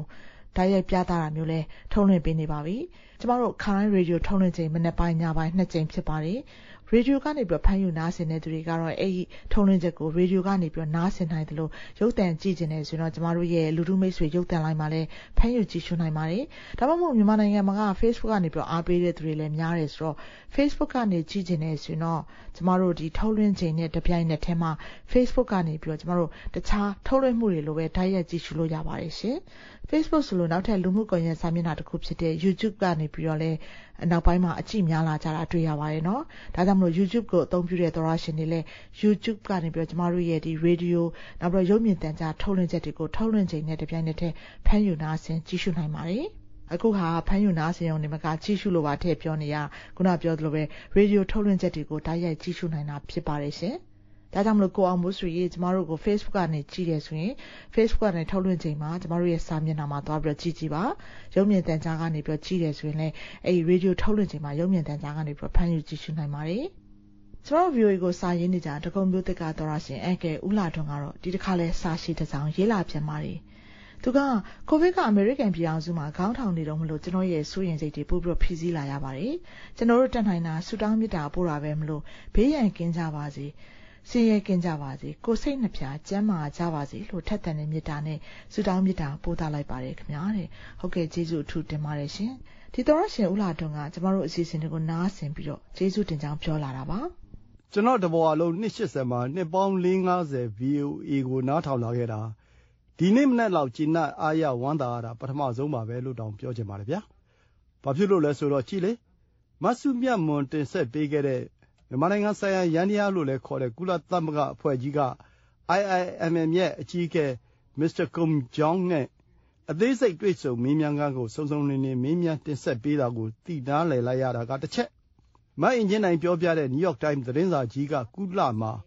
နိုင်ငံကိုယ်စားလှယ်ရွေးချယ်ပုံကိုတမိုင်းနမူနာတွေနဲ့ ရွေးချယ်ပုံစံနှုံးတွေ အထားတွေကို ပြည့်ပြည့်စုံစုံ သိနာလည်ခဲ့ရတာကတစ်ချက် ဒေါခင်မျိုးသက်ပြောပြတဲ့အကြမ်းဖက်သမားလို့ကြော်ကြားတဲ့တာလီဘန်တွေရဲ့အမျိုးသမီးတွေအပေါ်ဆက်ဆံရေးစံတွေကိုနားထောင်ရတာကတစ်ချက်စတာစတာတွေနားထောင်ရတာတကယ်ကိုစံပြူတိုက်တဲ့သမိုင်းတွေကိုရေးနေတဲ့သဘောခံစားနားလည်လိုက်ရလို့ပါ VOA ကနောက်ဆုံးပေါ်သမိုင်းဆရာများဖြစ်နေလိမ့်မလားလက်ငင်းမြန်မာနိုင်ငံရဲ့အခြေအနေတွေကလည်းမကြုံစဘူးအောချရလောက်တဲ့အင်မတန်ဆိုးရွားခက်ထန်တဲ့ရက်ဆက်တဲ့ဗရန်ဗရာဖြစ်ရတွေနဲ့ နိုင်ငံတွင်းမှာသာမက နိုင်ငံတကာမှာပါ ကျွန်တော်တို့ပြည်သူတွေ ရုန်းကန်လှုပ်ရှားနေကြရတဲ့အဖြစ်တွေကလည်း ဘဝညာအောင်ဖြစ်နေ ကြားနေကြရတာတွေဟာ ပြောရရင် အင်မတန်ကိုမှမတက်မတာဖြစ်ရတဲ့အဖြစ်တွေပါပဲ တခုတော့ ရှိပါလေဗျာ အခုလောက် မကြီးကျယ်မခမ်းနား မတိုးတက်ပေမဲ့လည်း အလားတူဖြစ်ရတူ နိုင်ငံရေးသဘောတရားစင်စင်တူတဲ့1990ပြည့်နှစ်က ကျွန်တော်တို့နိုင်ငံမှာ ကျွန်တော်တို့ကိုယ်တွေ့ ရင်ဆိုင်ကြုံတွေ့ ဖြတ်တန်းခဲ့ကြပြီးတဲ့ နိုင်ငံရေးဖြတ်တန်းမှုကြီးတစ်ခုကတော့ အထင်ရှားရှိခဲ့ပြီးသားပါကျွန်တော်တို့နိုင်ငံရဲ့မပြောင်းလဲမတိုးတက်မရွေ့မရှားဖြစ်နေသေးတဲ့အခြေအနေတွေကပြည်သူတွေပညာပေးနေသလို88ကအချိုးတွေ21မှာလာမချိုးနဲ့ဆိုတဲ့အတိုင်းလုံနိုင်ဖို့အတွက်အရန်အရေးကြီးနေပြီဆိုတာကျွန်တော်တို့နက်နက်နဲနဲသဘောပေါက်ဖို့အချိန်ပါပဲလို့သတိပေးခြင်းပါတယ်ကျွန်တော်တို့သင်ယူနိုင်သင်ခန်းစာထုတ်နိုင်ယူနိုင်ရမှာပေါ့အသက်အရွယ်ရတရားစကားကိုပြောရရင်အဝိဇ္ဇာနဲ့တဏှာအရင်ခံဥပါဒံဆိုတာလို့ မသိမှုနဲ့တတ်မဲ့မှုအပေါ်မှာဥပါဒံနဲ့ထပ်ပေါင်းထားရင်တော့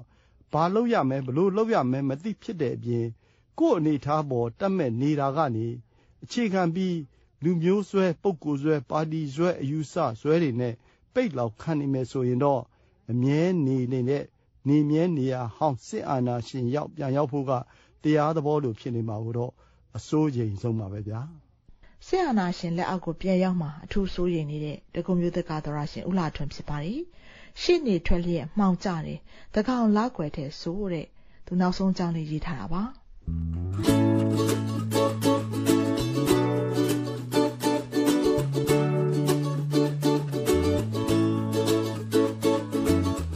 နောက်ထပ်ကိုကိုအောင်ဆိုတဲ့သောရရှင်ကတော့ဒီတော်လန်ကြီးကြီးအောင်မြင်ဖို့အတွက်လက်တွေ့ကြတာကိုလှုပ်တင်ပါပြီဆိုရဲသူရဲ့ထင်မြင်ယူဆချက်ကိုပြောလာပါတယ်။မြမပြည်တော်လန်ရေးအတွက်ပြည်ပကိုမျှော်လင့်အားကိုးတဲ့စိတ်တွေရပ်တင်ပါပြီမြမတော်လန်ရေးဖြစ်တဲ့အတွက်မြမပြည်သူလူထုတရားလုံးကပဲတော်လန်ရပါမယ်အောင်မြင်မယ်ဆိုတဲ့အရှိတရားအမှန်တရားကိုလက်ခံဖို့အရေးကြီးနေပါပြီတိုင်းရင်းသားညီကိုမောင်နှမပြည်သူလူထုအားနဲ့တွန်းလှန်ရင်အရေးတော်ပုံမုတ်ချအောင်မြင်မယ်ဆိုတာယုံကြည်လိုက်ပါ ဆူတောင်းတာမျှော်လင့်တာတွေတကယ်အပြင်မှာလက်တွေ့မကြပါဘူးတော်လန်ရေးဟာလက်တွေ့အရန်ကြပါတယ်သူ့အနေနဲ့ကတော့တော်လန်ရေးလောက်တာကလက်တွေ့ကြပါတယ်ဆိုပြီးတော့ဒီသောရရှင်သူ့ရဲ့အမြင်ကိုရေးလာတာပါသောရရှင်ရဲ့ပေးစာတွေကိုဒီတစ်ပတ်ဒီမှာရက်ချင်ပါတယ်ဒေးတောင်းလာတဲ့သောရရှင်တွေကိုနောက်ပိုင်းမှာအလှည့်ပေးချင်ပါတယ်ကျမတို့ view ရဲ့မြန်မာပိုင်းရဲ့ရုပ်မြင်သံကြားနဲ့ radio စီစဉ်တင်ဆက်မှုတွေနဲ့ပတ်သက်လို့ အကြံပေးဝေဖန်ခြင်းနဲ့ပြီးတော့ view ကနေပြီးတော့မြစ်တာဒေးလက်ဆောင်ကဏ္ဍမှာဒေသချင်းတွေလက်ဆောင်ပါခြင်းနဲ့နောက်ပြီးတော့ကိုတွေးကြုံနေရတဲ့အဖြစ်အပျက်တွေနိုင်ငံရေးအခြေအနေတွေနဲ့ပတ်သက်လို့ကိုယ်ပိုင်ထင်မြင်ယူဆချက်တွေကိုရင်ဖွင့်စာရေးကျင်ကြတယ်ဆိုရင်တော့ကျမတို့ VOA ကိုစာရေးသားဖို့ဖိတ်ခေါ်ပါရနော်။စာရိုက်ကနေစာပို့မယ်ဆိုရင် VOA American တန်မြန်မာပိုင်းအစီအစဉ်လို့လိမ့်မှုပြီးတော့စာရေးတတာအမှတ်855ရန်ကုန်စာရိုက်ကြီးဆိုပြီးစာရေးသားနိုင်ကြပါတယ်။ email ပေးဖို့မယ်ဆိုရင် bami@voanews.com ကိုမြန်မာပြည်မှာပေးစာများအစီအစဉ်ဆိုပြီးတော့ရေးနိုင်ပါတယ်။ Facebook အသုံးပြုတဲ့သူတွေအနေနဲ့လည်းကျမတို့ဒီမြန်မာပြည်ကပေးစာများအစီအစဉ်တွေအစာရေးတဲ့အခါမှာလည်း Facebook စာမျက်နှာမှာလာပြီးတော့ရေးသားနိုင်ပါတယ်နော်။ Facebook မှာ VOA မြန်မာပိုင်းစာမျက်နှာဖြစ်တဲ့ VOA Burmese News ဆိုတဲ့စာမျက်နှာကိုတွားပြီးတော့ကျမတို့စီကို message ပို့နိုင်တယ်လို့မျိုးမှတ်ချက်တွေလည်းလာပြီးတော့ရေးနိုင်ပါတယ်။သောရရှင်တွေစီကတုံ့ပြန်အကြံပြုလာကြမှာတွေကိုစောင့်မျှော်ကြိုးစားနေပါတယ်ရှင်။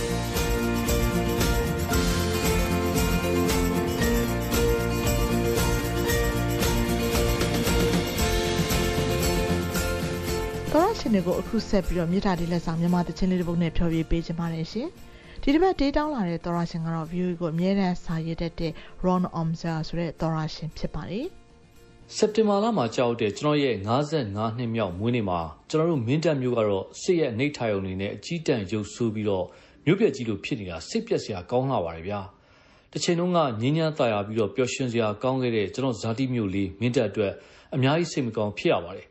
မွေးနေ့သချင်းတောင်းတိုင်းထုတ်လွှင့်ပြီးတဲ့ view ကိုဒီတစ်ခါလဲအဆိုတော်ဆိုင်းဒီဆိုင်ရဲ့တောင်ပေါ်မြေရဲ့တခြားတစ်မျက်နှာဆိုတဲ့သချင်းဟောင်းလေးကိုထုတ်လွှင့်ပြီးဖို့တောင်းဆိုပါတယ် view ဝိုင်းတော်သူဝိုင်းတော်သားများစိတ်ချမ်းသာခြင်းကိုယ်ကြီးကျမ်းမာခြင်းနဲ့ပြည့်ဝကြပါစေမြန်မာပြည်လည်းအမြန်ငြိမ်းချမ်းပါစေမင်းတပ်မျိုးလည်းအေးချမ်းပါစေကဘာကြီးလည်းအေးချမ်းပါစေ။ သူကစက်တင်ဘာလမှာကြားရောက်တဲ့မွေးနေ့ဆိုပြီးတော့တချင်းလှန်တောင်းထားတာတော့နှစ်ပတ်လောက်ရှိပါပြီเนาะ။ကျမတို့သူရှိကတောင်းထားတဲ့စာတွေကိုအရင်ထုတ်လွှင့်ပေးနေတဲ့အတွက်ကြောင့်မလို့ဒီသောရရှင်တွေမွေးနေ့ဒီလက်ဆောင်ကိုတော့အခုစက်တင်ဘာ26ရက်နေ့မှာထုတ်လွှင့်ပေးနိုင်တာဖြစ်ပါတယ်။သူရဲ့မွေးနေ့ကဘယ်နေ့လဲလို့တော့ဒီသောရရှင်ရေးမလာပါဘူးရှင်။ဒီတော့ဒီတစ်ပတ်ဒီသောရရှင်တောင်းဆိုထားတဲ့စိုင်းဒီဇိုင်းတီဆိုထားတဲ့တောင်ပေါ်မြေရဲ့တခြားတစ်မျက်နှာဆိုတဲ့သချင်းလေးကိုထုတ်လွှင့်ပေးခြင်းပါတယ်ရှင်။ဒီတောင်တဲ့သောရရှင်မွေးနေ့ရှင်ကိုရာရော တိချစ်သောရရှင်အားလုံးနဲ့မြန်မာနိုင်ငံကအစီရဲ့အနေထားရုံကြုံတွေ့နေရတဲ့သူတွေအားလုံးစိတ်ချမ်းသာမှုတခြင်းကရနိုင်ကြပါစေလို့ဆုတောင်းခြင်းပါတယ်ရှင်။နားဆင်ခံစားကြည့်ပါအောင်နော် ချယ်ရီတွေตาย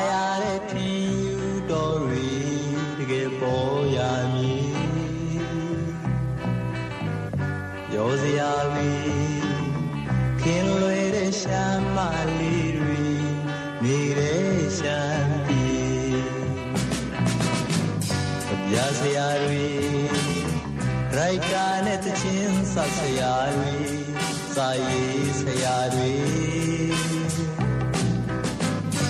မြင်နာတွေကြံကြံပြီးပြောပြတာတွေတကယ်ထလို့နေတောင်ပေါ်မြ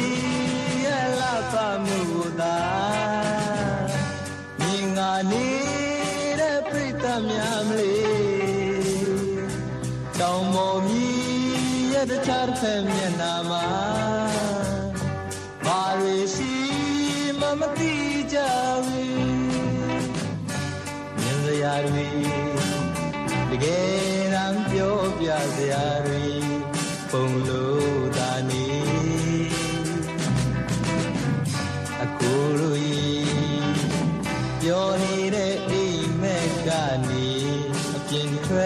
တယ်လေတောင်ပေါ်မြည်ရတဲ့ချားတစ်ဖက်မျက်နှာမှာ cherry တွေလည်းရမ်းလန်းဆွဲနေပါရတယ်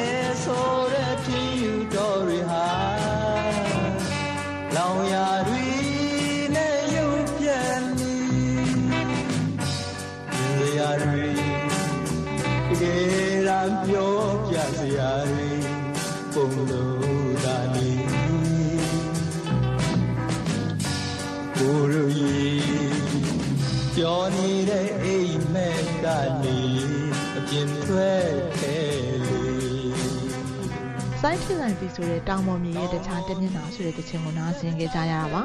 မြန်မာနိုင်ငံနဲ့နိုင်ငံတကာကရေးသားပေးပို့လာတဲ့ VOA မြန်မာပိုင်းသောရရှင်တွေရဲ့ဝေဖန်ကြံပေးစာတွေရင်ဖွင့်စာတွေနဲ့တေးသချင်းတောင်းလွှာတွေကိုတင်းနှင်းတွေနေညပိုင်းနဲ့တင်းနှင်းလာနေမတပိုင်းချိန်တွေမှာမြန်မာပြည်ကပေးစာများအစီအစဉ်ကနေထုတ်လွှင့်တင်ဆက်ပေးနေပါတယ်ရေဒီယိုကနေဖမ်းယူနားဆင်နိုင်တဲ့အပြင် VOA မြန်မာပိုင်း Facebook စာမျက်နှာကနေပြီးတော့ဓာတ်ရိုက်နားဆင်နိုင်ပါတယ်တွင်းထုတ်ပေးခဲ့ပြီးတဲ့အစီအစဉ်တွေကို ရေဒီယိုနဲ့ Facebook ကနေပြီးတော့ဓာတ်ရိုက်နားမထောင်လိုက်ရအောင်ဆိုရင်တော့ VOA ရဲ့ internet စာမျက်နှာမှာပြန်ပြီးတော့နားဆင်နိုင်ပါတယ်ရှင်။ကျမတို့ရဲ့ website လိပ်စာက burmese.voanews.com ဖြစ်ပါတယ်။ VOA ကိုလည်းစာရေးကြပါအောင်နော်။သောရရှင်တွေအားလုံးရှင်လန်းချမ်းမြေ့ကြပါစေရှင်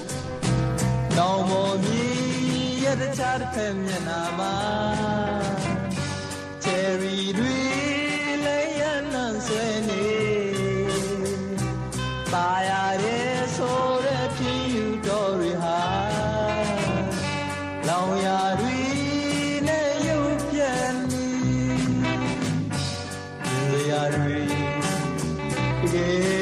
ပြောပြစရာတွေပုံလို့သာနေကိုရည်ပြောနေတဲ့အိမ်မက်ကနေအပြင်ထွက်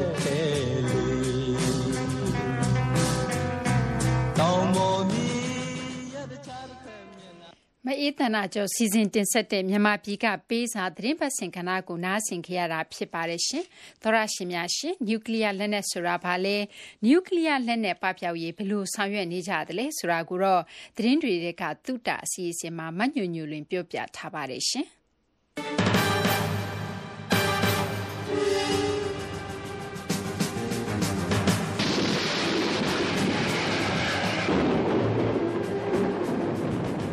လွန်ခဲ့တဲ့1945ခုနှစ်ကဂျပန်နိုင်ငံကဟီရိုရှီးမားနဲ့နာဂါဆာကီမြို့နှစ်မြို့လုံးဟာအနုမြူဘုံကျဲခံရပြီးလူပေါင်း2သိန်း1000ကျော်တေဆုံးခဲ့ရတဲ့အဖြစ်နဲ့ကြုံပြီးတဲ့နောက်မှာတော့ကမ္ဘာပေါ်မှာလူအသက်အိုးအိမ်စီးစိမ်တွေတစ်ချိန်တည်းမှာအများကြီးပျက်စီးသွားစေနိုင်တဲ့နျူကလ িয়ার လက်နက်တွေလုံးဝပပျောက်ဖို့နှစ်စဉ်စက်တင်ဘာလ26ရက်နေ့ကိုနိုင်ငံတကာမှာနျူကလ িয়ার လက်နက် အလုံးစုံပပျောက်ရေးနေ့အဖြစ်ကမ္ဘာကုလသမဂ္ဂကသတ်မှတ်ခဲ့ပါတယ်။ဒီလိုနျူကလ িয়ার လက်နက်ထုတ်လုပ်မှုပိုင်ဆိုင်မှုရောင်းချမှုစမ်းသပ်မှုတွေပပျောက်ရေးအတွက်1946ခုနှစ် ကုလသမဂ္ဂရဲ့အထွေထွေညီလာခံမှာအဖွဲ့ဝင်နိုင်ငံအားလုံးသဘောတူညီချက်ချမှတ်ခဲ့ပြီးဒီသဘောတူညီချက်ဟာကုလသမဂ္ဂရဲ့ပထမဆုံးသဘောတူညီချက်ဖြစ်ခဲ့ပါတယ်။အဲ့ဒီအချိန်ကစပြီးကုလသမဂ္ဂရဲ့အဓိကတာဝန်ရှိသူအထွေထွေအတွင်းရေးမှူးအဆက်ဆက်ဟာအနုမြူလက်နက်ထုတ်လုပ်မှုနျူကလ িয়ার စွမ်းအင်အသုံးပြုမှုနဲ့အတူအဲ့ဓာတွေနဲ့သက်ဆိုင်တဲ့လူအစုလိုက်အပြုံလိုက်သေဆုံးစေနိုင်တဲ့လက်နက်ထုတ်လုပ်မှုတွေအားလုံးကိုကန့်သက်တားဆီးဖို့အတွက်လုပ်ငန်းစဉ်တွေကိုဒီဇိုင်းမမှန်လှုပ်ဆေခဲ့ကြပါတယ်။ နိုင်ငံတကာအနေနဲ့ဒီလိုအနုမြူလက်နက်နဲ့နျူကလ িয়ার စွမ်းအင်ဆိုင်ရာလက်နက်ထုတ်လုပ်မှုတွေအပေါ်သတိပြုလာမိစေဖို့အတွက်အသိပညာပေးလှုပ်ရှားမှုတွေဆောင်ရွက်တဲ့အနေနဲ့2009ခုနှစ်ဩဂုတ်လ29ရက်နေ့ကိုနိုင်ငံတကာနျူကလ িয়ার စမ်းသပ်မှုစန့်ကျင်ရေးနေ့အဖြစ်ကုလသမဂ္ဂရဲ့အထွေထွေညီလာခံကစတင်သတ်မှတ်ပေးခဲ့ပါတယ်။ အဲ့ဒီနောက်မှာတော့နျူကလ িয়ার လက်နက်တွေမရှိဘဲကဘာကြီးငိမ့်ချမ်းပြီးလူသားအလုံးလုံခြုံစိတ်ချစွာနေရဖို့ဆိုတဲ့ရည်ရွယ်ချက်နဲ့2023ခုနှစ်မှာတော့စက်တင်ဘာလ26ရက်နေ့ကိုနိုင်ငံတကာနျူကလ িয়ার လက်နက်အလုံးစုံပပျောက်ရေးနေ့အဖြစ်သတ်မှတ်ခဲ့ပါတယ်။ နျူကလ িয়ার စွမ်းအင်ဆိုင်ရာလက်နက်ထုတ်လုပ်မှုတွေပပျောက်အောင်အခုလိုကုလသမဂ္ဂကဦးဆောင်ပြီးအဖွဲ့ဝင်နိုင်ငံတွေအားလုံးစင်ဆက်မပြတ်နှစ်ရှည်ဆောင်ရွက်ခဲ့တဲ့နေရာမှာ1968ခုနှစ်မှာတော့လက်တင်အမေရိကနဲ့ကာရစ်ဘီယန်ကျွန်းဒေသတွေမှာတလက်တီလိုကိုသဘောတူညီချက်စာချုပ်နဲ့ပထမဆုံးနျူကလ িয়ার လက်နက်ကင်းမဲ့ဆုံးဖြစ်လာခဲ့ပါတယ် When you set up the first nuclear free zone in any populated area of the world, အဲ့ဒီနောက်1985ခုနှစ်မှာတော့ရာအိုတောင်ငါဆိုတဲ့သဘောတူစာချုပ်အရာပစိဖိတ်တောင်ပိုင်းဒေသဟာဒုတိယမြောက်နျူကလ িয়ার လက်နက်ကင်းမဲ့ဆုံးဖြစ်လာခဲ့ပါ to တ the ယ် effect that we have all decided to sign the protocols to the Treaty of Rarotonga. Uh, don't take 1995ခုနှစ်မှာတော့ဘန်ကောက်သဘောတူစာချုပ်အရာအရှိတောင်အာရှဒေသဟာတတိယမြောက်နျူကလ িয়ার ကင်းလွတ်ဆုံးဖြစ်လာခဲ့ပါတယ်။ 1996ခုနှစ်မှာတော့ဖီလင်ဒါဘာသဘောတူညီချက်နဲ့အာဖရိကဒေသဟာစဒုထမြောက်နျူကလ িয়ার ကင်းမဲ့ဆုံးဖြစ်ခဲ့ပါတယ်။2006ခုနှစ်မှာလဲအာရှအလဲပိုင်းဒေသနျူကလ িয়ার လက်နက်ကင်းမဲ့ဆုံးဆိုတဲ့သဘောတူညီချက်နဲ့ပြင်စမမြောက်နျူကလ িয়ার ကင်းမဲ့ဆုံးဖြစ်လာခဲ့ပါတယ်။ကမ္ဘာအနှံ့နျူကလ িয়ার လက်နက်ဖျက်သိမ်းရေးအစီအစဉ်တွေကိုလည်း2000ခုနှစ်ကစပြီးကုလသမဂ္ဂအနေနဲ့စီမံချက်တွေအစစ်အစင်ရေးဆွဲပြီးဆောင်ရွက်လာခဲ့ကြပါတယ်။ ဒါပေမဲ့လည်းအခုချိန်ထိကမ္ဘာပေါ်မှာနျူကလ িয়ার စွမ်းအင်ဆိုင်ရာလက်နက်ပေါင်းအနည်းဆုံး18000ဝန်းကျင်ရှိနေပြီးတော့ကမ္ဘာလူဦးရေတဝက်ကျော်ဟာဒီလိုနျူကလ িয়ার လက်နက်တွေပိုင်ဆိုင်တဲ့နိုင်ငံတွေနဲ့အဲ့ဒီနိုင်ငံတွေနဲ့မိတ်ဖက်နိုင်ငံတွေမှာနေထိုင်နေကြရတယ်လို့လိလာသူတွေကပြောဆိုထားပါတယ်ရှင်။ မညွညွလွင်တင်ဆက်တဲ့သတင်းတွေတဲကသုတသတင်းပတ်စဉ်ကဏ္ဍဖြစ်ပါတယ်ရှင်။ကျမတို့ရဲ့ထုတ်လွှင့်ချက်တွေနဲ့ပတ်သက်ပြီးဝေဖန်အကြံပြုလို့တယ်ဆိုရင်တော့ကျမတို့ရဲ့ email လိပ်စာဖြစ်တဲ့ burmese@voanews.com ကိုစာရေးသားပေးပို့နိုင်ကြပါတယ်။သောရရှင်တို့ရဲ့ဝေဖန်အကြံပြုချက်တွေကို VOA မြန်မာပိုင်းအစီအစဉ်ကကြိုဆိုပါတယ်ရှင်။အခုကတော့သတင်းချင်းချုပ်ကိုဒေါက်ခင်မျိုးသက်ပြောပြပေးပါမယ်။